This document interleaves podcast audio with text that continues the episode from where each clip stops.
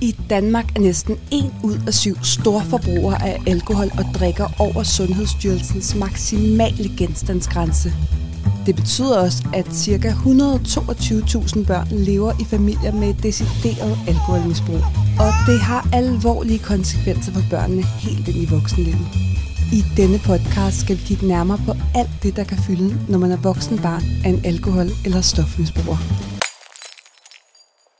Så er det allerførste afsnit af podcasten Tømmertanker, og det er jeg mega glad for og spændt over. Mit navn det er Amalie, og grunden til, at jeg har valgt at lave den her podcast, det er, at jeg selv er vokset op i et misbrugshjem. Og det er jo desværre ikke noget, jeg står alene med. Derfor så har jeg besøg af Judy og Josefine, som er medlemmer og frivillige i foreningen Tuba Ungdom, som er et fællesskab for voksne børn af alkohol- og stofmisbrugere, der har været i terapi i foreningen Tuba. Judy, vil du ikke lægge ud med at præsentere dig selv? Jo, det kan jeg godt. Jeg hedder Judy, jeg er 26 år gammel. Til daglig der læser jeg på Danmarks Tekniske Universitet til ingeniør, og hos mig der er det min mor, der er misbruger, og min far er nok det, man vil kalde en medmisbruger. Mange tak, og velkommen til dig, Josefine. Tak. Vil du præsentere dig selv? Det kan du tro. Jamen, øh, jeg hedder Josefine, og jeg er 25 år gammel, og jeg læser til sygeplejerske på øh, sygeplejerskolen Absalon i Slagelse. Og hjemme hos mig, der var det min far, som var misbruger, og også i min familie, der har vi jo været medafhængige. Tak for præsentationen. I dagens afsnit, der skal vi tale om roller og ansvar, og så skal vi tale lidt om skyld. I alle familier, der er roller, der hører til de voksne, og så er der roller, der hører til børn. Det er sådan, at de voksne de har ansvaret for sig selv, for familien og for børnene, og børnene bliver gradvist til lidt mere ansvar i forhold til, at de bliver ældre. I familier med misbrug, der sker der så ofte en ret markant rolleombytning, og det kan være både fysisk, men også psykisk. Mange børn i misbrugsramte familier, de påtager sig eller får et voksen ansvar meget tidligere, end de skulle have haft det. Og når man vokser op i det som barn, så tror man, om det er sådan her, det er at være en familie. Det er det, man ligesom kender og ser. Og det er ofte først i teenageårene, at børnene finder ud af, at det ikke er helt almindeligt. Hvordan oplevede I, at øh, rollerne blev byttet rundt hjemme hos jer? Jamen, øh, hjemme hos mig, der var det lidt mig, der var sådan øh, ekstra moren. Jeg ryddede meget op efter min lillebror, sørgede for, at der altid så pænt ud, gjorde rent, tømte opvaskemaskinen, hjalp til at lave mad, gik med hunden. Jamen hele tiden sørgede for, at der var ro på, og ikke noget, der kunne skabe ballade. Ja. Ja, og det er præcis det samme hjemme i øh, mit barndomshjem. Øhm, jeg er storsøster, så per automatik tror jeg bare, at man sådan tager den der rolle, hvor man bliver den ekstra forældre, uden man rigtig sådan tænker over det. Og så det der med rent faktisk at tage alle de huslige pligter og sørge for, at der ligesom ikke er en grund til, at ens forældre kommer hjem og begynder at drikke, betyder bare alt, især når man er barn. Øhm, sådan så, at man sørger for, at ens søskende for eksempel opfører sig ekstra pænt og har ryddet ekstra godt op og alle de her ting at det er en rigtig stor del af ens ja, hverdag og barndom i virkeligheden at sørge for ligesom at være en ekstra forældre. Og nu hvor vi snakker om det her med roller, så har jeg i øh, forbindelse med min research til det her afsnit været ude og tale med Trine Christensen. Hun er terapeut i foreningen Tuba, som er en organisation, der tilbyder gratis og anonym terapi til børn af alkohol- og stofmisbrugere i aldersgruppen 14-35 år. Og det synes jeg lige, vi skal høre et klip fra. Det er sådan i hjem med misbrug, der tager børnene typisk forskellige roller på sig. Hvis man er flere søskende, så kan man tage hver sin rolle. Og lidt populært sagt, så kan man kalde det for en overlevelsesstrategi. Rollerne er en måde at skabe orden i familiens uorden eller kaos på, eller en måde at føle, at man som barn har noget, man kan gøre. Fordi for et barn er det fuldstændig ubærligt, hvis mor og far drikker, og det kan jeg ikke gøre noget ved. Og der er sådan typisk fire roller, som børn tager på sig. Helten, rebellen, klovnen eller underholderen og det usynlige eller stille barn. En af de roller, som er meget udbredt, det er rollen som helten eller det ansvarlige barn. Det er det barn, der sådan ret tidligt erfarer, at mor eller far bliver nødt til at hjælpe med at være mor eller far. Jeg bliver nødt til at hjælpe med at sørge for, at de får skrevet under på sædlerne for skolen, og hvis der er mindre søskende, så hjælper man til med at smøre madpakker og gå ned med flasker og sørge for, at der er mad i køleskabet osv. Så, så fra et meget, meget tidligt tidspunkt, også før man er moden til det, øh, begynder at tage sådan både praktisk ansvar for familien, men også sådan omsorg over for familien. Så helten øh, og det ansvarlige barn er en af de roller, der er meget, meget almindelige. Og hvis man er sådan en lille barnehelt, så vil man også typisk være rigtig, rigtig god til at tilpasse sig og indordne sig. Hurtigt aflæse, hvad forventes der af mig her.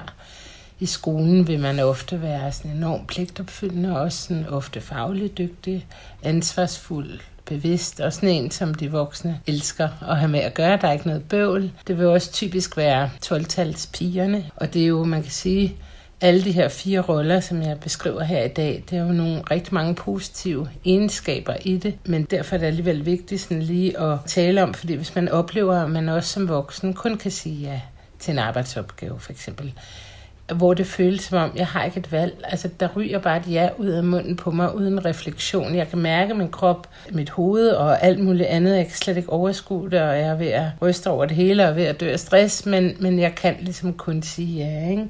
Så kan det være rigtig godt at kigge på de her roller og få en forståelse for, hvorfor er det, jeg altid havner i de her situationer. Og måske skulle jeg begynde at arbejde på at lære at sige nej også en gang imellem. Fordi det er en af sine følgerne ved at være et voksen ansvarligt barn eller barneheld. Og den der ansvarlighed og pligtopfyldenhed, som jo er enormt positiv, bliver for meget, fordi det bliver på bekostning af en selv. Og det er også typisk angst og depression og stress rammer voksne børnehelte. Ikke? Så derfor kan det være relevant at kigge på de her mønstre og se sig i det, så man ikke havner der, hvor man går ned med stress eller angst eller depression. Øh, men det er den ene rolle.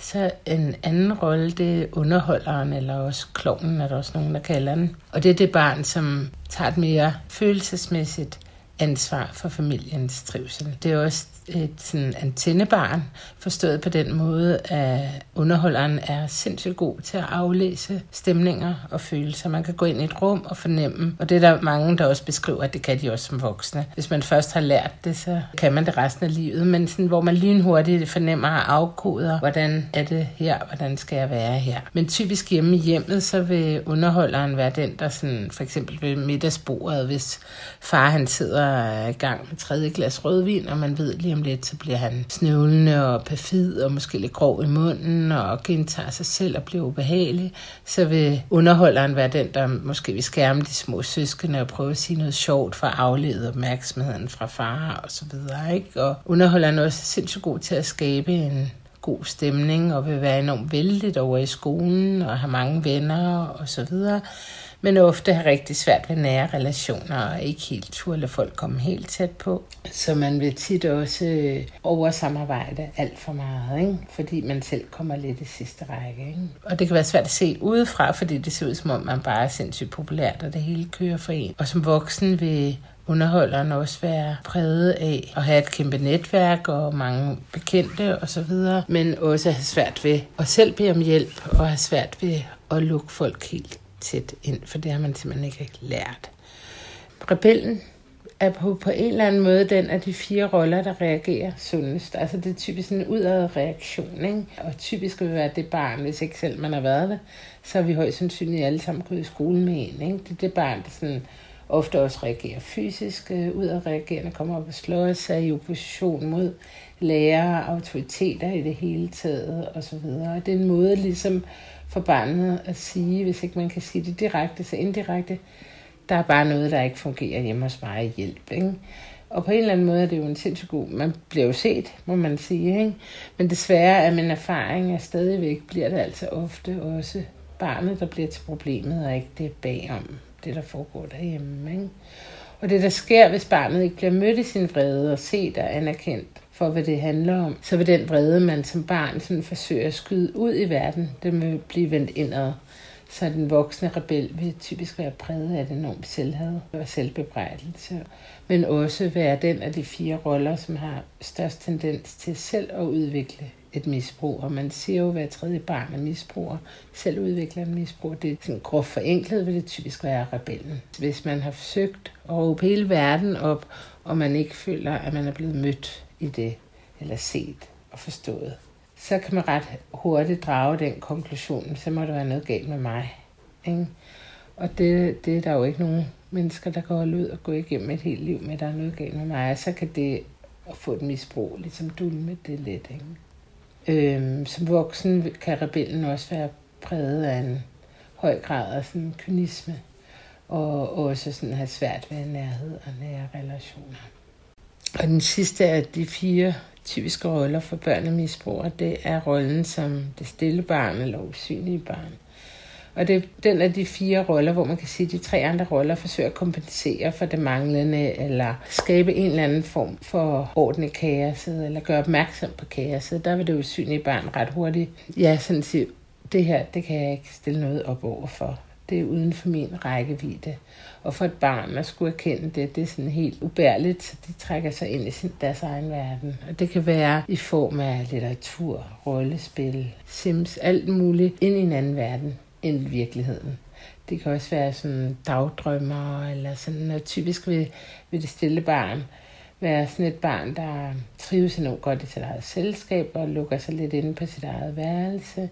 I skolen også sådan lidt introvert og stille og indadvendt og også sådan en, der ikke gør meget væsen af sig selv. Så ofte bliver det barn heller ikke set, fordi der er ikke bøv. Så du ved, det er også sjældent, at der er nogle voksne, der sådan virkelig bemærker, at der er et eller andet rivrag galt, fordi det glider ligesom bare. Ikke? Og som voksen vil det stille barn også være ret indadvendt som personlighed, kan have rigtig mange bekendte, men ingen heller nære relationer, og også være sådan lidt sky og genær type, som heller ikke bryder sig om for eksempel at skulle stå og lave en præsentation eller fremlæggelse eller sådan. Altså som sagt, de her fire roller er jo ikke unikke for børn og misbrug. De er almen menneskelige alle vil kunne genkende sig selv i nogle af rollerne. Og man kan sige, at almen menneske, så vil det typisk være, det sundeste være, hvis man kunne være lidt af dem alle sammen. Alt efter, hvad for en situation det nu er i. Men vi oplever her i Tuba, at tit at børn og misbrugere sådan kan stivne i en rolle. Det er jo godt som det ansvarlige barn at kunne tage ansvar eller helten, og det er jo godt som underholderen at kunne være omsorgsfuld og social og så videre, og godt som rebellen at kunne sige fra, og som det stille barn at kunne trives i sit egen eget selskab. Det er jo fire virkelig gode egenskaber. Så man kan sige, det er jo ikke fordi, det, behøver, det er problematisk i sig selv, men det kan blive problematisk, hvis man stivner og kun kan det. Så derfor vil det netop være rigtig, rigtig godt, hvis man kunne være lidt histerpis. Der er også rigtig mange, når vi snakker om det her i Tuba, der sådan får øje på, gud jamen, indtil min søster kom på efterskole, så var jeg faktisk underholderen, og så blev jeg det ansvarlige barn, eller sådan, ikke? Så man, også i livsfaser kan man sådan ændre rolle, ikke? Og det var meget godt at se, om er der noget, jeg kunne bruge? Kunne jeg have god gavn af at være lidt mere rebelsk? Eller sådan, hvad, hvad savner jeg, eller mangler jeg i mit liv? Selvom man er voksen, ikke? kan det være godt at få lidt af alle fire roller i sig. Ikke? Ja, og som sagt, så øh, kan man kalde det for overlevelsesstrategier, det måder at klare at være i sin familie på, og sådan lidt ekstrabladet sensationspresseagtigt, så man kalde det, at det der var en overlevelsesstrategi som barn, det kan blive en selvmordsstrategi som voksen, forstået på den måde, at man mister sig selv i det, ikke? Øh, hvis man stivner i en type rolle. Så det er derfor, det kan være gavnligt at se lidt på det.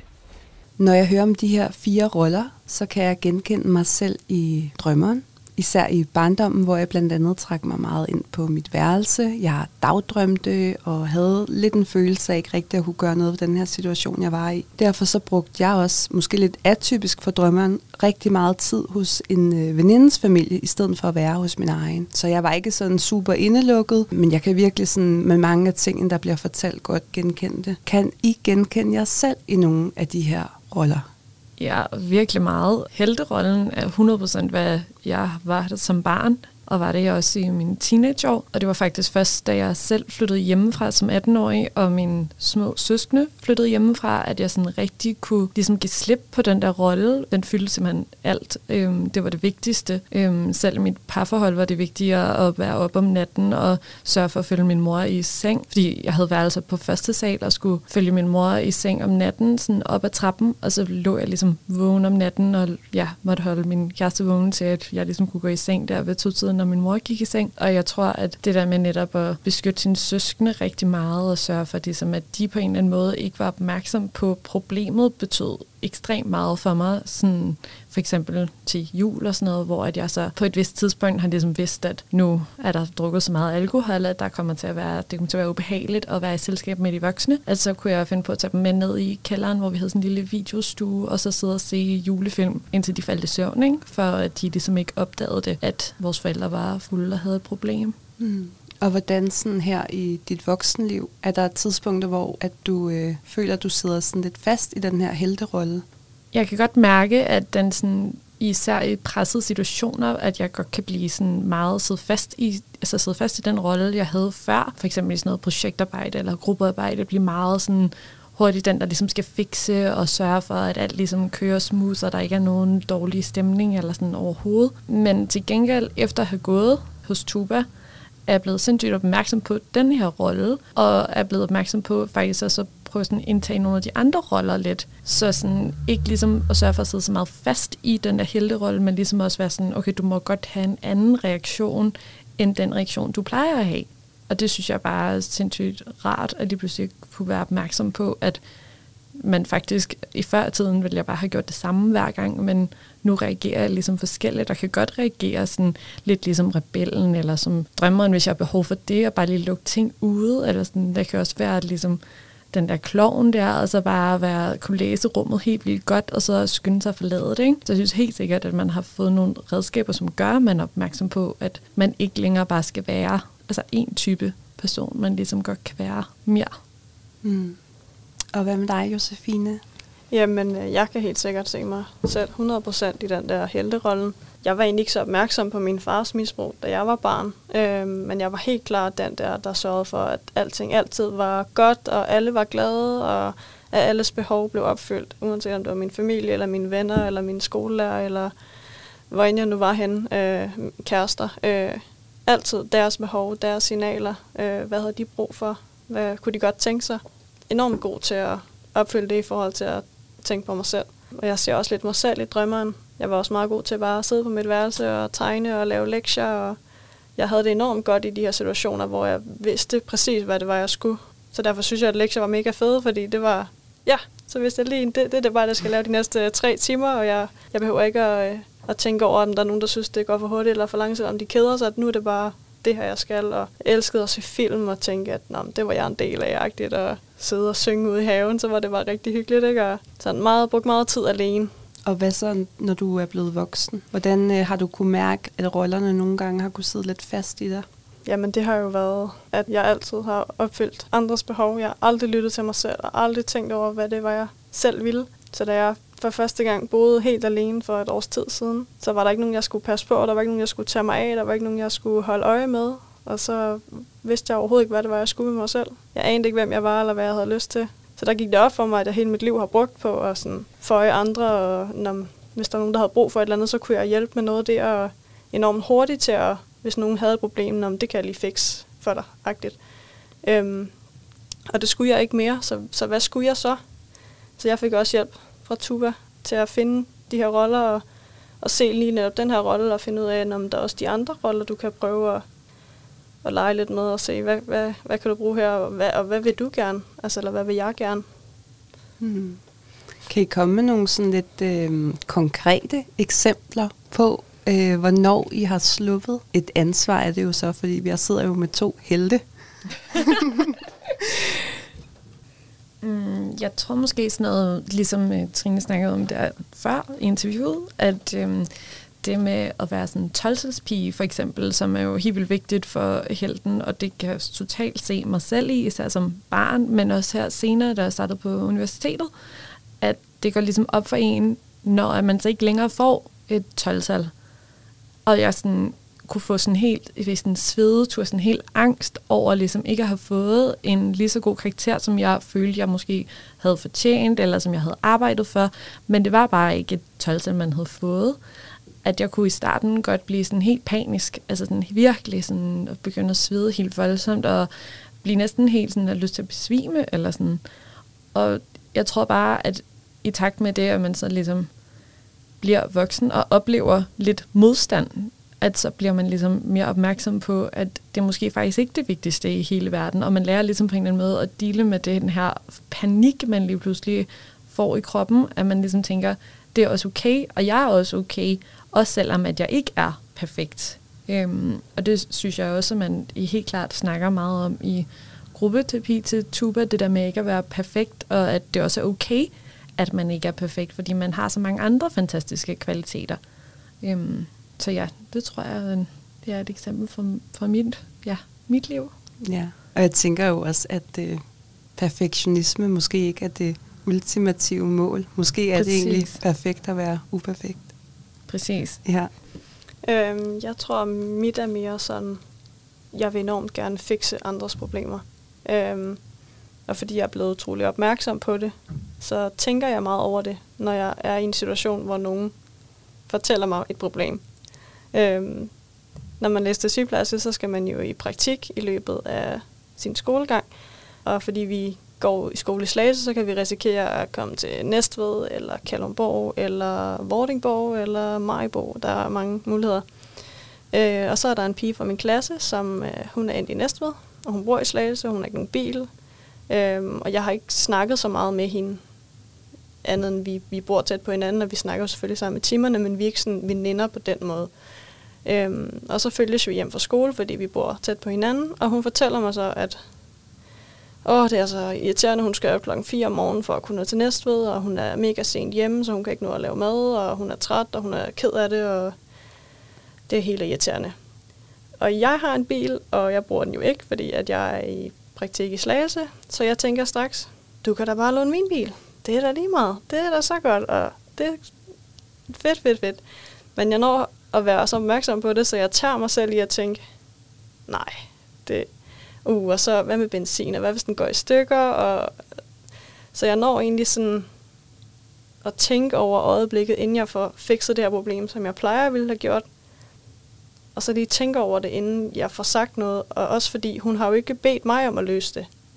Hun har ikke spurgt mig, om hun må låne min bil, eller øh, så det der med meget at tænke over, at, at hvis jeg har lyst til at hjælpe nogen, så skal jeg spørge, må jeg komme med et godt råd, eller har du lyst til, at jeg skal hjælpe dig, eller hvorfor fortæller mig du, du, du må det her problem, i stedet for bare at, at fikse det med det samme, som jeg har det her behov for. Så det, det er noget, det jeg er blevet rigtig meget opmærksom på. Ja, jeg kan også huske, da jeg gik i gruppeterapi, der fik vi at vide til start, at øh, vi skulle ikke give hinanden gode råd. I stedet skulle vi spørge ind. Øhm, og det er jo noget, som, oh, jeg ved ikke, om jeg er altid lige god til det ude i livet, men, øh, men det er i hvert fald noget, som jeg blev bevidst om der, at øh, jeg har lidt en tendens til at øh, være sådan en lommepsykolog for andre mennesker og yes. fikse alle deres problemer. Så øh, det synes jeg var er noget, jeg, jeg stadig skal øve mig på, at, at spørge folk om, hvordan føles det, i stedet for bare at sige, så kunne du øh, bare gøre det her, og så blev det helt løst. Mm. Ja. Det er også noget af det, jeg kan huske allerbedst fra, fra jeg var helt lille, de der skolehjemsamtaler af lærerne. Det var det eneste, de sagde til mig. Lad nu være med at tage de andres problemer på dine skuldre, og du kan ikke redde alle i klassen, og du skal lave dine egne ting, før du laver de andre. Så, så det har været helt fra jeg var helt lille, at jeg har det her. Jeg skal bare hjælpe dem, der, dem, der har brug for det. Altså, det er jo også en god kvalitet, det der med, at du gerne vil hjælpe andre mennesker. Jeg tror også, man skal huske på, at de der roller der, og jo også har nogle gode, nogle gode redskaber. Altså, det er ikke kun er sådan overlevelsesmekanismer, men også sådan en helt fantastisk kvalitet, at du har lyst til at hjælpe andre mennesker. Altså, sådan, det er da bare fantastisk. Ja, lige præcis. Det er jo det der med at kunne gå ind og ud af rollen. Præcis. Øh, og tage alt det gode med fra den, og så lægge den væk, når det bliver en selvmordsstrategi, Præcis. som Trine sagde. Ja. Der er noget, som jeg godt lige kunne tænke mig at tale lidt om, efter vi har hørt det her, Trine siger. Og det er, at øh, jeg synes, det er enormt tankevækkende, at øh, Trine fortæller, at rebellen faktisk er den, der har den sundeste reaktion af alle, men ofte er den person, som selv ender i et misbrug. Øhm, og det lagde jeg også mærke til, da vi ligesom lyttede til Trine, at, øh, at vi alle sammen var sådan, hold da kæft, ikke? og det er hver tredje. Og... Så der er et eller andet, der er lidt for skruet, og jeg håber, at samfundsudviklingen går i en retning, hvor vi begynder at se på, hvad er der galt i hjemmet, siden barnet reagerer, snarere end hvad er der galt med barnet. Ja, det var bare lige sådan en... jeg havde lige brug for at sige det. Det var også sådan Det er en rigtig noget af god en pointe. øjenåbner. Ja, ja, det var det virkelig. Men også rigtigt, fordi alle får jo bare ADHD-medicin, ikke? fordi de overreagerer på en eller anden måde og er aggressiv Ja. i skolen, hvor man tænker, har I overvejet at kigge på, om barnet Mhm. mm-hmm. i virkeligheden trives? Ikke? Præcis. Ja, hvad er, der, hvad er der bag ved barnet, ikke? Mm. Ja, Altså baglandet. ja. Ja, også fordi den perfekte familie udefra er ikke nødvendigvis den perfekte familie sådan bag lukkede døre, ikke? Mm. Lige præcis. Ja, jeg husker da også selv, at, øh, at når der var skole-hjem-samtaler, så var der altid et meget stort fokus på, at hvis jeg var ukoncentreret, eller...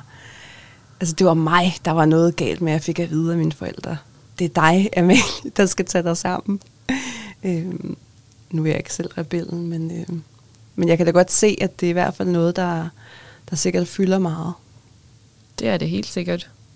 Der, ja, min bror er 100% rebellen, og han er der aldrig blevet set for, at det var mine forældre, der ligesom var problemet. Der har det kun været fokus på, at han ligesom har været aggressiv, og han havde et problem, og at han så i den sammenhæng også selv er begyndt at ryge helt vildt meget hash, for eksempel, i en relativt ung alder. Ikke? Øhm, så tingene ligesom bare, ja, skyder hinanden i gang, i stedet for at der ligesom måske blev kigget på ham, da han var lille, og set, at nå, det var måske derhjemme, der var noget i vejen med. Når vi snakker om roller, så er det jo også nærliggende at kigge på det her med at tage for meget ansvar. Øhm, og det ved I helte rigtig meget om især. Øhm, så jeg synes, at vi skal høre et klip igen, hvor at Trine fortæller om det at tage ansvar, men også det at slippe ansvaret. Der er typisk to former for ansvar. Det individuelle ansvar og det sociale ansvar. Det individuelle ansvar er ansvaret for eget liv, egen verden, både ydre og indre verden. Og det sociale ansvar er ansvaret for omverdenen, familien og sådan gruppen på det større plan. Uden at sige øh, for meget, så vil jeg våge at påstå, at 95 procent af alle de unge, der kommer i tuber, de er sindssygt gode til at tage et kæmpe socialt ansvar, men knap så gode til at tage ansvar for sig selv. Man kan også med nogle andre ord bruge integritet og samarbejde, hvor integritet handler om ens eget behov og ønsker, og det er jo noget, man kan sige, at vi bliver født med en evne til. Spædbørn er jo virkelig gode til at gøre opmærksom på, hvad de har brug for. Ikke? Det skal de nok råbe højt op. Og så på et eller andet tidspunkt i løbet af ens opvækst, aflærer man det der mig, mig, mig behov og går mere ind og samarbejder. Så integritet og samarbejde og den her evne til at indordne sig og tilpasse sig, det er rigtig mange af de unge, der kommer i tuba, som sagt, sindssygt gode til. Det ene udelukker ikke det andet, eller at man kun er det ene, eller kun er det andet. Vi er alle, uanset opvækst og baggrund, begge dele. Og det, der er rigtig vigtigt, det er, at man er opmærksom på, at der er et både og, og der er en vis balance i det. Men vi oplever i Tuba, at rigtig mange af de unge, der kommer her, de vælger samarbejde frem for deres eget behov. Nogle kommer i Tuba og siger, at jeg kan slet ikke mærke, hvad jeg har lyst til. Derfor bliver det er også sådan et livslangt projekt, man at aflæse og afkode, hvad andre har lyst til, fordi man simpelthen ikke kan mærke sig selv. Og hvis man ikke kan mærke sig selv, så har man ikke det kompas at bruge i livet. Så det er der rigtig, rigtig mange i Tuba, der ønsker hjælp til. Men når man sådan er derhen, hvor man godt kan mærke, det første skridt på vejen, hvor man kan mærke, okay, det her har jeg lyst til, det her har jeg ikke lyst til. Så er det ikke det samme som, at man så vælger sit eget behov. Der vil man stadig rigtig ofte vælge andres behov. Men opmærksomheden på, okay, nu siger jeg faktisk ja, selvom jeg kan mærke, jeg mener nej. Det er et stort skridt på vejen, og så næste skridt vil være, at man en gang imellem rent faktisk begynder at øve sig i at sige nej.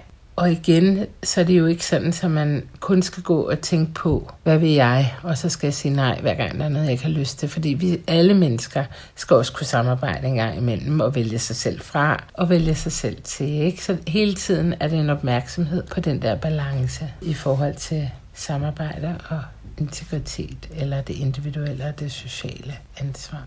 Hvis man er blevet opmærksom på, at man for eksempel er det ansvarlige barn eller helten, og man begynder at kunne se, okay, jeg er sådan en type, der siger ja hele tiden, øhm, i stedet for nej.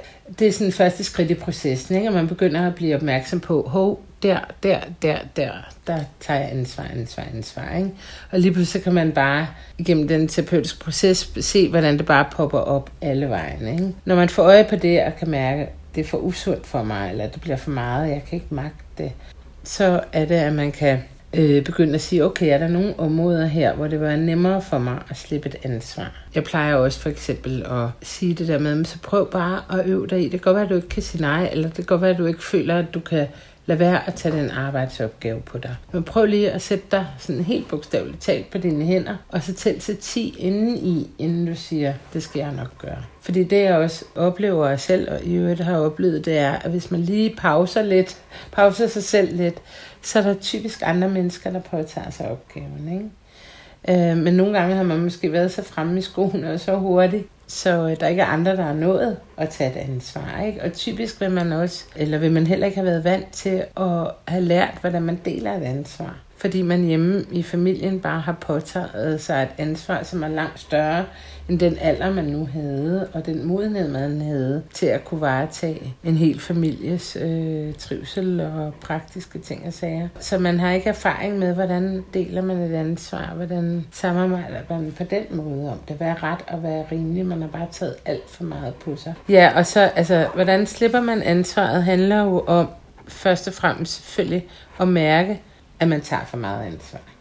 Og det kan jo komme til udtryk på mange forskellige måder, men når man bliver opmærksom på det, så får øje på, hvor ofte det sker. Altså, og så vil man også typisk kunne se, okay, shit, var den balance skæv imellem oversamarbejde og integritet. Og der vil man typisk også begynde at mærke, hvor hårdt det har været og hvor meget man har taget på sig. For før har man typisk bare kørt med 120 timer, ikke? der ud af for fuld speed, uden at mærke noget. Og når man så begynder at blive opmærksom på, så kan man mærke det på den ikke så fede måde. Ikke? Men der er det jo langsomt ved at begynde at slippe det i forskellige sammenhænge. Ikke? Det kan også være altså sådan noget som for eksempel at sige, til en veninde. Jeg kan simpelthen ikke drikke kaffe i dag. Jeg bliver nødt til at blive hjemme på sofaen og gå tidligt i seng, for jeg er helt balleret. Men kan vi ses på fredag i stedet for? Prøv sådan at øve sig i at sige lidt fra en gang imellem. Både socialt, men også sådan lavpraktisk. Sige, okay, men hvis den arbejdsopgave ikke bliver løst i dag, så bliver den nok løst i morgen. Det sker der nok ikke noget ved. Eller hvis opvasken står på køkkenbordet et dag mere, det skal jeg også nok kunne tåle. Ikke? Så sådan begynde at øve sig i ikke at tage alt på sig, og ikke være den, der skal ordne alt. Altså det, der er vigtigt med samarbejde og integritet og ansvar her, det er jo, at man kan nå frem til, at der er et valg. Ikke? Følelsen af, men jeg kan faktisk vælge at sige ja, og jeg kan også vælge at sige nej men at man prøver at øve sig i, at det bliver et aktivt valg. Øh, så man ikke bliver offer i det, eller det er det, der styrer en. Ikke? Nu hvor vi har hørt Trine fortælle lidt om ansvar, så kunne jeg godt tænke mig at høre lidt om jeres forhold til det sociale ansvar. Er der steder i jeres liv, hvor I har taget eller tager et for stort og usundt socialt ansvar? Ja, 100 procent. Øhm, for eksempel, da jeg boede hjemme, når man ligesom tager ansvar for alle og alle omkring en. Øhm, da jeg gik i gymnasiet, så var jeg simpelthen så stresset og havde det simpelthen så dårligt, at jeg endte med 3. G at besvime hver morgen, inden jeg skulle på studiet øhm, på øh, gymnasiet. Og jeg besvimede simpelthen hver morgen, fordi jeg simpelthen var så stresset. Øhm, og der sagde jeg fra over for mine forældre og sagde, at enten så skulle de stoppe med at drikke, eller så var jeg skrevet. Øhm, og de holdt sig ædru i en måned. Og så kom jeg hjem fra årsfest øh, på min gymnasie, og så var der vinflasker over det hele. Og der pakkede jeg mine ting og skred, og kom ikke tilbage. Øhm, ikke at det betyder, at jeg sådan aldrig har taget for meget ansvar igen, øhm, for det, der med det sociale ansvar er virkelig, virkelig svært, og sådan, ikke ligesom sådan, det er virkelig svært at mærke sig selv, øhm, når man er vokset op på den her måde, så man når rigtig hurtigt at sige ja alt for meget, før det går op for en, at man skulle have sagt nej. Så det var en helt stor ting i mit, mine sabbatår imellem gymnasiet, til jeg startede på uni, hvor jeg simpelthen arbejdede to caféjobs næsten fuldtid begge steder, og jeg simpelthen blev så stresset og så ja, udbrændt til sidst, at jeg kunne ikke mere, og blev simpelthen nødt til at sige op, fordi at jeg simpelthen kunne mærke fysisk, at jeg ikke kunne klare det. Det var simpelthen for hårdt. Øhm, men igen, fordi man bare kommer til at sige ja alt for meget. Øhm, så det er 100% en, en proces, hvor man skal lære at ligesom at sådan, jeg har sige nej, og det er ikke noget, jeg 100% har perfektioneret endnu, altså sådan, jeg er slet ikke perfekt til det overhovedet, men jeg er da blevet meget mere opmærksom på at sige nej, sådan så at jeg ikke ender i sådan en situation, som jeg gjorde i gymnasiet, hvor jeg besvimer for eksempel, inden jeg skal på uni eller sådan noget. Og jeg har bare generelt taget ansvar for alt og sagt ja til alt, hvad der blev lagt på mig, eller hvis nogen spurgte mig om noget, så blev jeg mega glad for, at der var, nå, der var nogen, der havde brug for mig. Øh, der var noget, jeg kunne hjælpe med. De har spurgt mig om noget, så ja, selvfølgelig. Øh, og så siger man jo bare ja til alt muligt, uden at tænke over, nå, hvad gør det egentlig ved mig, og hvordan får jeg det med det her? Og jeg, nu har jeg sagt ja til alt muligt, som jeg egentlig ikke lige har tænkt over konsekvenserne. Men der var det sådan, virkelig gik op for mig, at, at jeg havde et problem med at sige nej. Det var da jeg arbejdede som guide i Tyrkiet, hvor jeg var guide online, øh, hvor man sidder og svarer på sms'er og telefonopkald fra gæsterne, der er på, på destinationen. Øhm, og der var jeg på arbejde en dag, og jeg var mega syg. Øhm, og alle mine kollegaer, de øh, enten var på ferie, eller havde fri, eller var på druk, som man nu gjorde.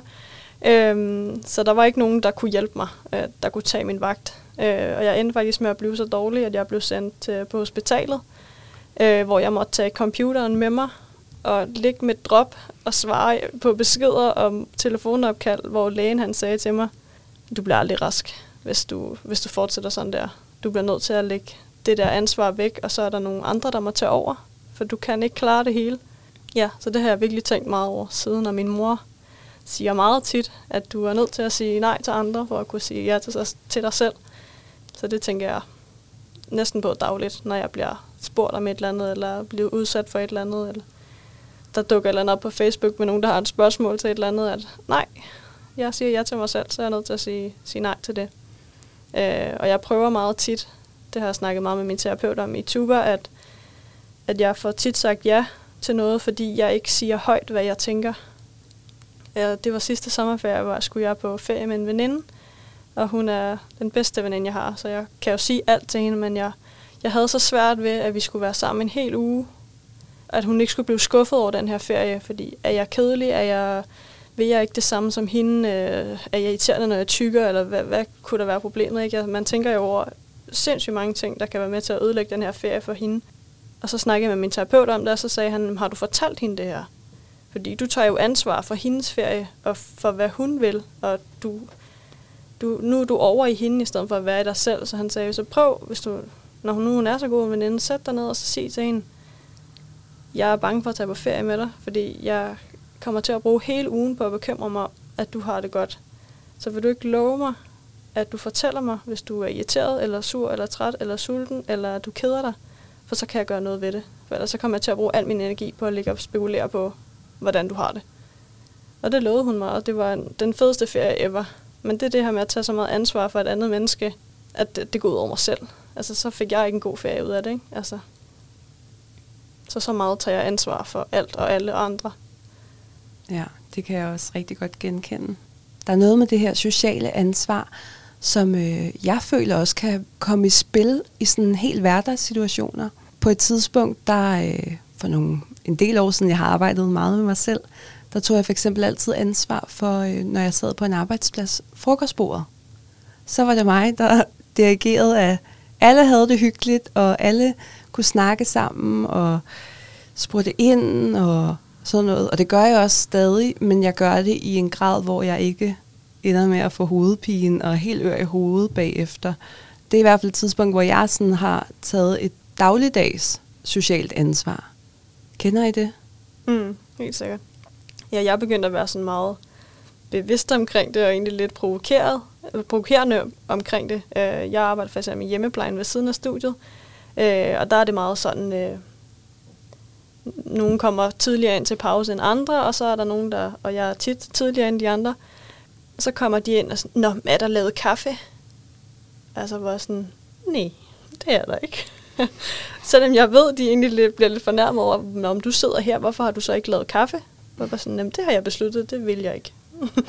altså det her med sådan at sætte sig lidt imod, at, at jeg udfordrer lidt mig selv, fordi før så ville jeg have, nå, der skal bare være kaffe til de kommer, og alt der, der er bestik og tallerkener, og, altså sådan, hvor nu, nej, det gider jeg ikke. Sej. Jeg tror jeg virkelig godt, jeg kan sætte mig ind i det der med sådan at blive frustreret, især sådan i en der social situation. Øhm, sådan projektarbejde, gruppearbejde sådan på studiet, der har bare altid været den, der ligesom har taget ligesom ansvaret for hele gruppen og har sørget for, at nu gør alle alting til denne her deadline og til det her tidspunkt. Og det har taget mig flere år at lære, at det bare ikke altid lige fungerer for mig at have den rolle i alle situationer hele tiden. Fordi typisk bliver det så måske i hver enkelt kursus, man har hele det semester, og hvis man så også gør det på sin arbejdsplads, lige pludselig så tager man bare ansvar for det hele, og det kan man jo ikke rumme overhovedet. Øhm, så jeg tror, altså, der er jeg virkelig blevet bedre til ligesom at prøve at sige nej tak til den der lederrolle i, den der, i det der gruppearbejde, også selvom at jeg så måske bliver vildt frustreret på, at der så ikke er nogen andre, der måske tager rollen, eller den, der så tager rollen, er virkelig, virkelig dårlig til det, altså sådan, og slet ikke kan få noget ud til lige arbejdsopgaverne, ikke? Altså ender det alligevel lidt galt, men i det mindste er det ikke min hovedpine, at det ligesom ikke fungerer. Ja, det er det der med at huske at sidde på sine hænder. Præcis, virkelig meget. Men ja. man skal jo også næsten sidde på sine hænder, for ikke at sige ja, ikke? Jo. Virkelig. Så vil jeg gerne høre, om der er tidspunkter i jeres liv, hvor I har glemt eller glemmer at tage ansvar for jeres eget liv og behov. Ja, alt for ofte. Altså for eksempel, da jeg snakkede om, hvorvidt at, ja, at det er gået så galt hos mine forældre, at jeg endte med at flytte hjemmefra som ja, 18 år, mens jeg stadig gik i gymnasiet, og der glemte jeg jo fuldstændig mig selv i den der situation, og ja, besvimede hver morgen, og sådan, der har jeg jo fuldstændig glemt mig selv. Øhm, og det kom faktisk så vidt, at da jeg startede min første gruppeterapi hos øh, Tuba, at der gik der seks måneder, før jeg overhovedet sådan kunne mærke, hvad det var, jeg skulle gøre, og hvad jeg skulle sådan sige, og hvordan jeg skulle have det med at gå i terapi. For jeg kunne slet ikke mærke mig selv, og sådan mærke, hvordan jeg havde det i virkeligheden. Fordi jeg bare fuldstændig glemt, hvem der egentlig var mig. Ja, det kan godt være noget, man skal lære igen. Hvad har jeg lyst til, fordi man måske slet ikke ved det. Præcis. Det er virkelig noget, man hurtigt kan glemme, især hvis man siger ja hele tiden, og aldrig siger nej til noget, så lige pludselig tror man, man har en, en virkelighed, en anden identitet, end man har. Hvad med dig, Josefine? Jamen, for mit har det været meget sådan kommet i spil i forhold til mine veninder. Da jeg kom hjem fra at have rejse i to år, der var de jo ligesom videre med deres liv, og børn og kærester og uddannelser havde jo ligesom fået deres, øh, hvor jeg kom hjem lidt to år, hvor jeg så var, hvor jeg startede, øh, hvor vi så os hver weekend, og man lavede altid alt muligt, og, øh, og så kom jeg hjem, og så havde de jo ligesom deres ting, så der var jo ikke rigtig nogen, der sådan manglede mig, eller skrev til mig, om skal vi hænge ud i weekenden, eller skal vi tage derhen, eller... Øh, så der sad jeg meget og ventede på, at folk tog kontakt til mig. Øh, jeg følte mig som det mest ensomme menneske i hele verden, for hvordan kunne jeg være øh, 24 og sidde alene en fredag aften, og der var ingen, der manglede mig. Eller der var ingen, der skrev, om vi skulle ses, eller noget som helst. Øhm, og så var der en, jeg, jeg fortalte det her til en veninde, og så var hun sådan, prøv at høre her, hvis du vil se, ses med nogen, så skriv dog. Altså, tag noget ansvar for det, du gerne vil. Og så, ja, folk kan jo bare sige nej, fordi jeg, jeg var enormt bange for, at hvis jeg skrev, så tænkte jeg, åh, nu vil hun se, så, så skal de finde på en undskyldning for at sige nej, og jeg var jo sikker på, at folk i virkeligheden ikke rigtig gad mig, fordi jeg var kedelig og mærkelig og anderledes, og, og jeg gad ikke at gå i byen, og jeg gad ikke at drikke, og, ja, så det var mega svært for mig sådan, at tage kontakt, fordi når, hvis folk spurgte mig, så var jeg jo sikker på, at det var, fordi de gerne ville, hvor min veninde sagde, og hvis vi ikke har tid, så siger vi jo bare nej, eller så finder vi en anden dag. Så hvis du vil ses med nogen, så, så bliver du nødt til selv at gøre noget for det. Ja, man kan hurtigt komme til at sidde derhjemme og føle sig som et offer. Meget øhm, hurtigt. Og jeg ved ikke, om det også skal handle om, at man er bange for afvisning eller et eller andet. Det var jeg i hvert fald. Ja. Og jeg var bange for den der, for jeg er enormt god til at fornemme, når folk ikke rigtig gider, eller det forestiller jeg mig i hvert fald, eller nej, men så, skal de, øh, så er de syge, eller de havde lige ondt i maven den dag, eller et eller andet. At jeg er enormt bange for at skulle føle, at de faktisk ikke rigtig gad mig. Så var det nemmere bare at lade være, så lade dem komme til mig, når de, når de gerne ville. Men der er det jo så, at vi, eller jeg i hvert fald, skal blive bedre til at tage ansvar for mig selv. Øh, så hvis jeg vil ses med nogle mennesker, så må jeg selv række ud. Præcis. Så vil jeg jo gerne høre, hvordan I er begyndt at slippe det her lidt for store sociale ansvar. Altså, jeg havde et enormt behov for at have ufattelig mange venner og have en kæreste og alt muligt, så der altid var nogen der havde var en chance for, at jeg skulle være sammen med, og jeg havde jo enormt mange mennesker, jeg skulle passe på og beskytte og holde øje med og være i og øh, følge med i deres liv, og hvad, hvad havde de problemer og sådan. Øhm, hvor nu, der har jeg måske fire rigtig gode venner, som jeg bruger min tid på, jeg bruger min energi på, for de vil mig 100% lige så meget, som jeg ved dem. Øhm, så jeg har prøvet at slippe det der behov for at have mange mennesker omkring mig, så være noget værd. Hvor nu jeg behøver kun et par, et par få gode mennesker, for det er også det eneste, jeg kan overskue, faktisk. Øh, det er det eneste, jeg kan overskue at følge med i, og, og, og være 100% mig selv sammen med. For det er de her relationer, der betyder sindssygt meget for mig. Både på skolen, i mit arbejdsliv, øh, i min fritid.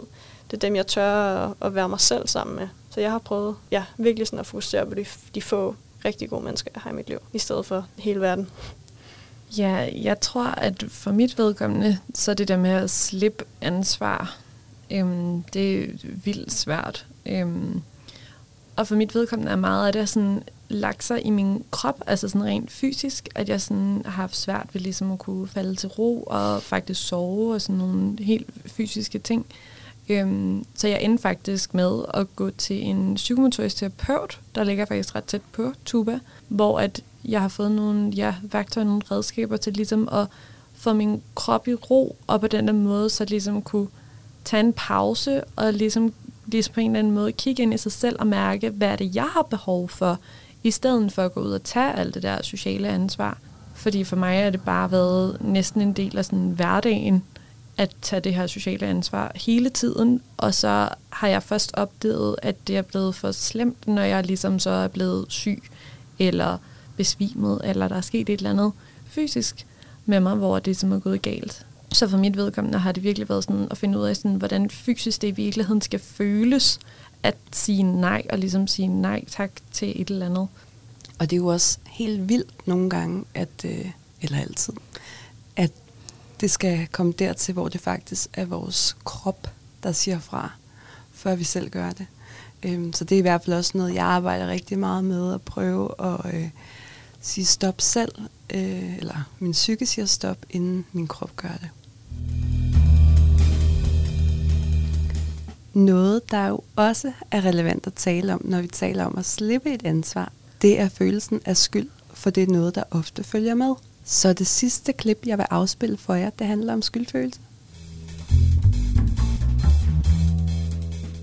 Rigtig ofte i hjem med misbrug, så vil mange misbrugere benægte, at der er et decideret misbrug i starten. Man siger, at det typisk tager 2-20 år at udvikle en afhængighed. Så det er jo også noget, der kommer gradvist, og ikke bare lige, hvis det er alkohol i hvert fald, fra den ene dag til den anden, som det jo godt kan være med stofmisbrug, der kan man blive afhængig efter første fix. Ved alkohol, der udvikles det sådan gradvist. Ikke? Så misbrugeren vil ofte heller ikke erkende, at man har et misbrug, fordi det er kommet sådan snigende, kan man sige. Ikke? Så derfor vil der rigtig ofte være meget benægtelse hos misbrugeren forbundet med det her. Og hvis man som barn gentagende gange får at vide, nej, far er ikke fuld, det er dig, der ser syner eller er hysterisk, eller det, jeg slapper bare bedre af, eller sover bedre, eller hvad det nu kan være. Ikke? Eller man måske ovenikøbet også får at vide, nej, det er ikke min skyld, det er jobbet, konen, børnene, det er jer, der larmer, så jeg bliver nødt til at tage noget for bedre kan slappe af, eller hvad det nu er. Ikke rigtig mange børn og misbrugere har simpelthen fået at vide decideret, at det er deres skyld, eller at far eller mor drikker. Ikke? Nogle direkte, andre indirekte.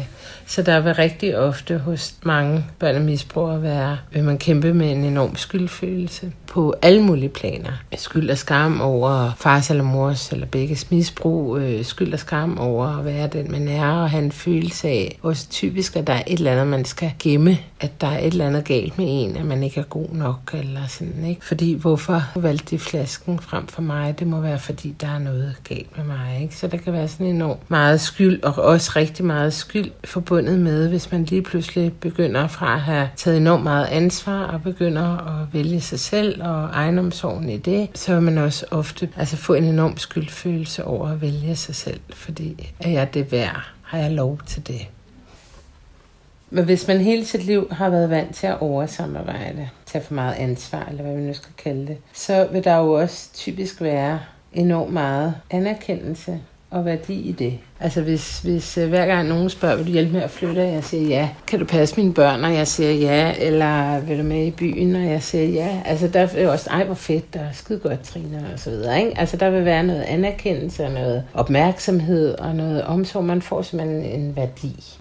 Hvis man lige pludselig begynder at sige, ja, jeg kan sgu ikke hjælpe med at flytte, jeg vil hellere ligge hjemme på sofaen. Så det er sjældent, at man får at vide, ej hvor fedt, Trine, skide godt. Øh, men tværtimod måske få øve, ej hvor ærgerlig, eller sådan, ikke? At man kan møde sådan lidt modstand, ikke? Så den der med, når man begynder at vælge sig selv frem for oversamarbejdet, overansvarligheden, så kan det føles virkelig op ad bakke, ikke? fordi at man er den, der skal klappe sig selv på skulderen og sige, hvor er det godt, du vælger dig selv. Men hvis man har været vant til at få anerkendelse og værdi og opmærksomhed udefra hele sit liv, og det er den måde, man har fået sin berettigelse her i verden, ikke?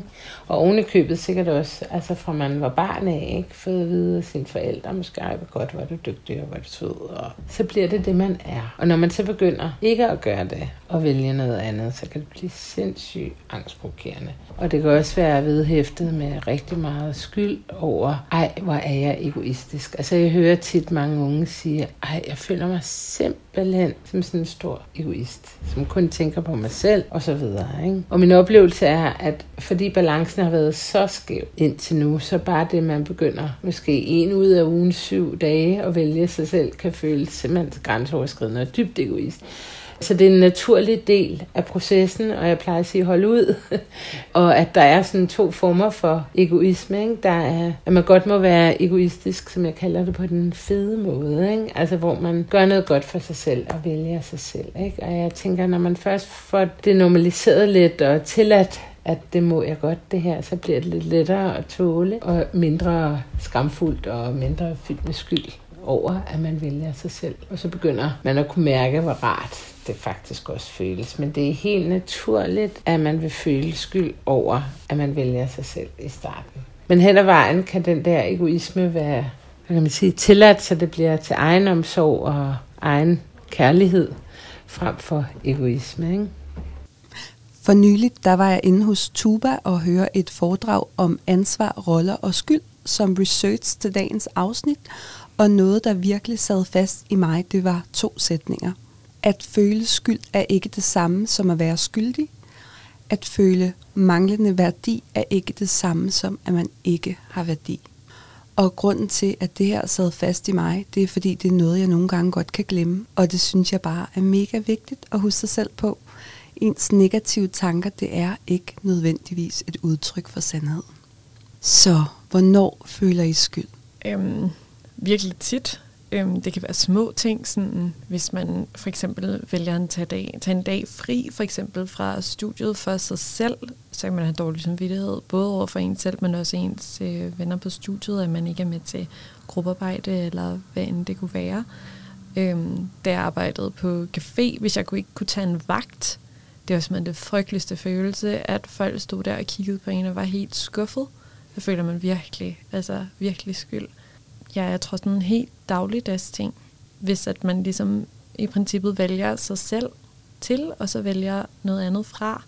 Altså kan jeg bare oftest, min første reaktion kan bare oftest være skyld som det første, og så kan jeg godt bagefter tænke, nå nej, jeg gjorde det for mig selv, men skyld kommer altså lige op og sådan kommer lige frem, bare lige et øjeblik. Det gør det i hvert fald rigtig ofte. Ja, og hvordan i forhold til øh, din familie? Med min familie, da jeg var lille, tror jeg ikke, jeg tænkte så meget på skyld i forhold til, at mine forældre drak, og at min mor ligesom begyndte at udvikle det her alkoholmisbrug. Jeg havde selvfølgelig en, en klar idé ind i mit hoved, at selvfølgelig var det vores skyld, mig og mine søskende, hvilket var derfor, jeg så gjorde ekstra meget rent og tog ekstra mange pligter i hjemmet. Sørgede for, ligesom alt var i orden, sådan så at jeg vidste, at det i det mindste ikke var det, der var skyld i, at hun begyndte at drikke så meget. Senere, da jeg er blevet ældre og er begyndt at holde jul med min kæreste og hans dejlige familie, øhm, har jeg følt rigtig meget skyld over ligesom, at have valgt min egen familie fra. Ikke fordi, at det er ikke fordi, jeg ikke elsker dem, men jul fungerer bare ikke i min familie overhovedet. Og har følt rigtig meget sådan skyld her i for nylig, fordi at der har været rigtig meget snak om at holde jul med min mors familie uden mine forældre. Og der har jeg bare klart sagt nej tak. Jeg vil hellere holde med min kæreste og hans familie. Jeg er helt enig i, at vi kan sagtens lave noget hen over jul, men den 24. december fungerer bare ikke i min familie, så jeg vil hellere være sammen med min kærestes familie. Og der har jeg følt så meget skyld, fordi der er ligesom er kommet den respons, som jo bare er, jamen vil du hellere være sammen med dem frem for os, og tænker du hellere vil være sammen med dem, end for eksempel din morfar, og sådan, den følelse af, at man ligesom bliver helt forkert, og det ikke er okay i virkeligheden at vælge sig selv. Hvad har du gjort for at give slip på det? Først og fremmest tror jeg, at jeg er rigtig heldig at have min øh, helt fantastiske kæreste, som jeg kan kommunikere med det her med. Han har været en del af mange af de her mange diskussioner og ja, dramaer, der har været i min familie. Så det er rigtig rart at have ham ligesom at tale med det om. Men derudover, så tror jeg også, at det at faktisk tale med mine søskende om det, fordi de synes jo ikke, at jeg er ondskabsfuld eller noget som helst for at vælge min kærestefamilie til. Øhm, de kan jo godt forstå det. Så det med ligesom at have det her bånd med mine søstre, som er simpelthen så stærkt, at bare hjælper mig sindssygt meget, at vi ligesom på en eller anden måde kan fortælle hinanden, at det ikke er hinandens skyld. Så hvis der er noget, hvor min bror føler sig skyldig for, eller min søster, så kan vi ligesom på en eller anden måde fortælle hinanden og bakke hinanden op om, at det er det altså ikke. Så det der med sådan at have hinanden, tror jeg var virkelig for mig til ligesom at mindske følelsen af skyld. Og blive mødt. Ja, lige præcis. Hvad med dig? Jamen, jeg kan virkelig godt kende det der med jul. Øhm, mine forældre er skilt. Øhm, og min, når min mor holder jul, så er det med hendes søskende og min morfar og ja, alle de mennesker, jeg har rigtig tæt på i mit liv. Så jul med dem er jo rigtig jul. Øh, hvor min far er lidt for sig selv, og han, han ser ikke så meget med hans familie, og han har sådan lidt, ja, min kæreste lidt on and off, og så jul med ham er ikke jul.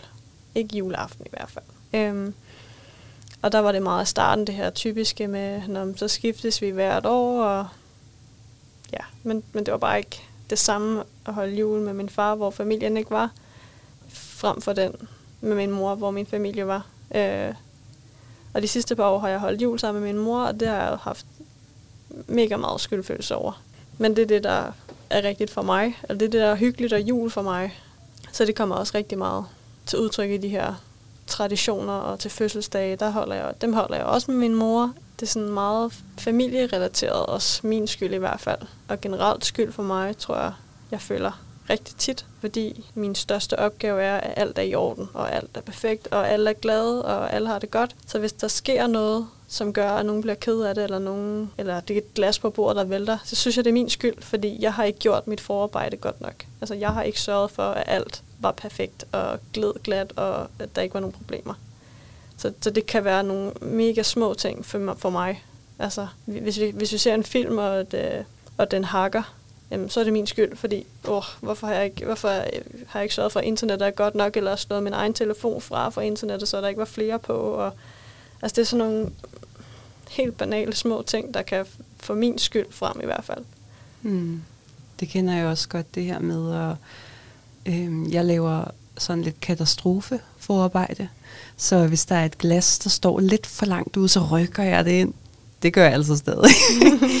øhm, og og sådan, der er i hvert fald mange situationer, hvor jeg går meget ind i at forudse katastroferne, fordi hvis det sker, så vil det automatisk blive min skyld. Ja. Og det skal jeg selvfølgelig arbejde med. Det. og gør jeg også. Ja. Hvordan giver du slip på skylden, Josefine? Jeg har enormt svært ved at slippe den. Øh, og det har jeg snakket rigtig meget med min terapeut om. Hvor at vi har prøvet at se det lidt alternativt, i stedet for, at jeg skal slippe den. Fordi det, det kan jeg næsten ikke. At jeg skal prøve at ligesom acceptere den. Du må godt være der. Jeg ved godt, at du ikke er ægte, eller du, er, du burde ikke være der. Men, men jeg ved, du er der. Nå, men det er okay. Og så går det ligesom lidt hurtigere væk, for hver gang jeg ligesom accepterer, at det er der. Så til, til sidst håber jeg da, at, at den ikke er der, men jeg tror altid, det vil dukke op, når jeg siger nej, eller vælger mig selv, eller der sker et eller andet, som jeg ikke lige havde forudset eller øh, fikset, inden det skete. Så det, det tror jeg er min strategi. Det er simpelthen bare, at Nå, men du må godt være der, men jeg ligger der om i rygsækken, hvor jeg ikke kan se dig. Så det er også noget med ikke at identificere dig selv med skylden. Ja, Det er ikke en, en del af dig. Det er Nej. noget, der kommer Mm. mm. til dig, som du kan vælge at skubbe lidt væk igen. Lige præcis. Så er der jo det her med at føle sig værdifuld. Er der tidspunkter i jeres liv, hvor I føler jer uden værdi? Ja, 100 procent. Øhm, for eksempel i det store spørgsmål er, hvorfor ens forældre drikker, og hvorfor de ikke stopper. Jeg tror, at alle børn og ja, unge og voksne i virkeligheden, hvis at deres forældre stadig drikker ikke er holdt op på noget som helst tidspunkt, det med at føle, at man simpelthen ikke er vigtig nok eller værdifuld nok til, at de vil stoppe med at drikke, at det er simpelthen den værste følelse, som man ligesom får af, at de ligesom ikke stopper, uanset hvor meget man måske tryller og bærer dem om at stoppe. Hmm. Josefine, mm. føler du dig nogensinde uden værdi? Jamen, det kan jeg stadigvæk lidt godt nogle gange have den der fredag aften, hvor jeg sidder derhjemme. Øh, Jeg arbejder tit, eller stort set hver weekend, hvor det er tidligt op lørdag og søndag morgen. Så det at skulle lave noget fredag aften, kan jeg s- øh, sjældent overskue noget. Men det der med, at der er ikke nogen, der har spurgt mig, hvad jeg skal, eller om jeg vil med, eller om jeg vil noget, det kan jeg godt nogle gange stusse lidt over. Eller så, når, er der virkelig ikke nogen, der mangler mig? Så det, det tror jeg godt kan være nogle af de tidspunkter, hvor jeg føler, at når, hvorfor er jeg her overhovedet, så hvis der ikke er nogen, der skal bruge mig til noget. Ja, sidder til dage. Nå, ja. nu Ja. er det også tre dage siden, at øh, Ja, nogen præcis. spurgte, om var. Men jeg har ikke selv gjort noget i mellemtiden. Nej, Ja. præcis. Nej, lige Ja. præcis.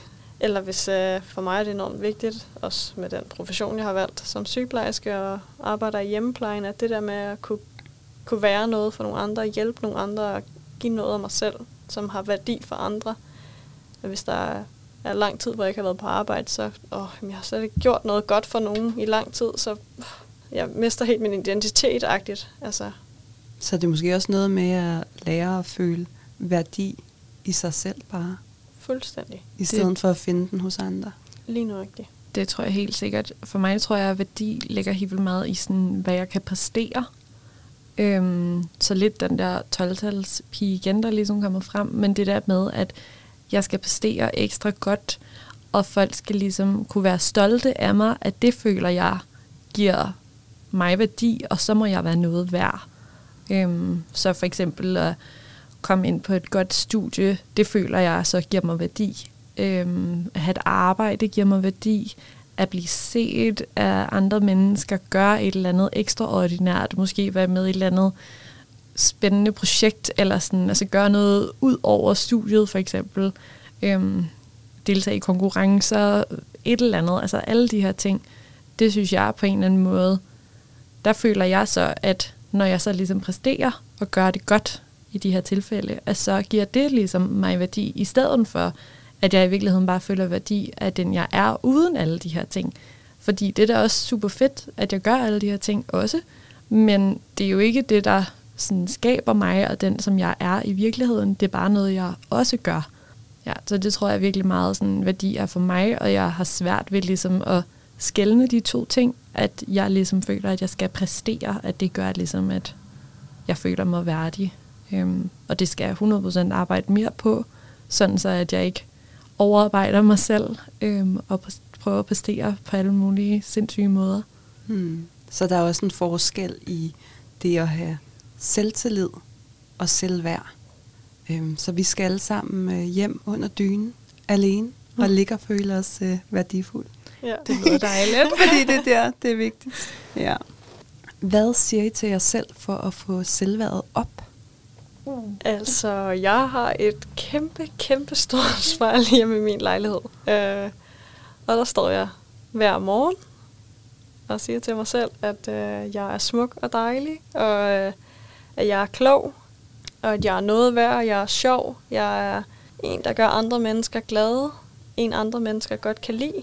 Og det var noget, min terapeut sagde til mig, prøv det, det virker mærkeligt, men øh, du skal lade som om, at du egentlig er din øh, egen bedste veninde. Så hvad vil du sige til hende, hvis, du, hvis hun sagde til, til dig, at øh, du var bange for, at der ikke var nogen, eller hun var bange for, at der ikke var nogen, der kunne lide hende? Hvad vil du så sige til hende? Så sig det til dig selv.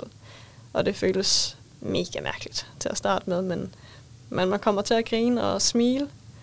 Øh, ja, og udover det her med at, at tale til mig selv i spejlet, så øh, havde jeg engang en øh, rigtig god ven, som øh, hjalp mig meget igennem den svære periode, jeg havde i mit liv for, for et års tid siden, hvor han skrev til mig, hvor, øh, hvor skønt et menneske han synes, jeg var, og at folk omkring mig var altid glade, og øh, hvor dejlig jeg var, og hvor smuk jeg var, og, og hvor meget jeg betød for ham. Og, øhm, så den gemte jeg, øh, fordi den, den gjorde mig simpelthen så glad, og den betød bare helt vildt meget for mig. Øh, der er mange mennesker i min hverdag, der fortæller mig, at jeg er god og sød og perfekt, og alt det der, man elsker at få at vide. Øh, men den her besked, den satte bare virkelig et eller andet i mig, så, øh, så jeg valgte at, at gemme den.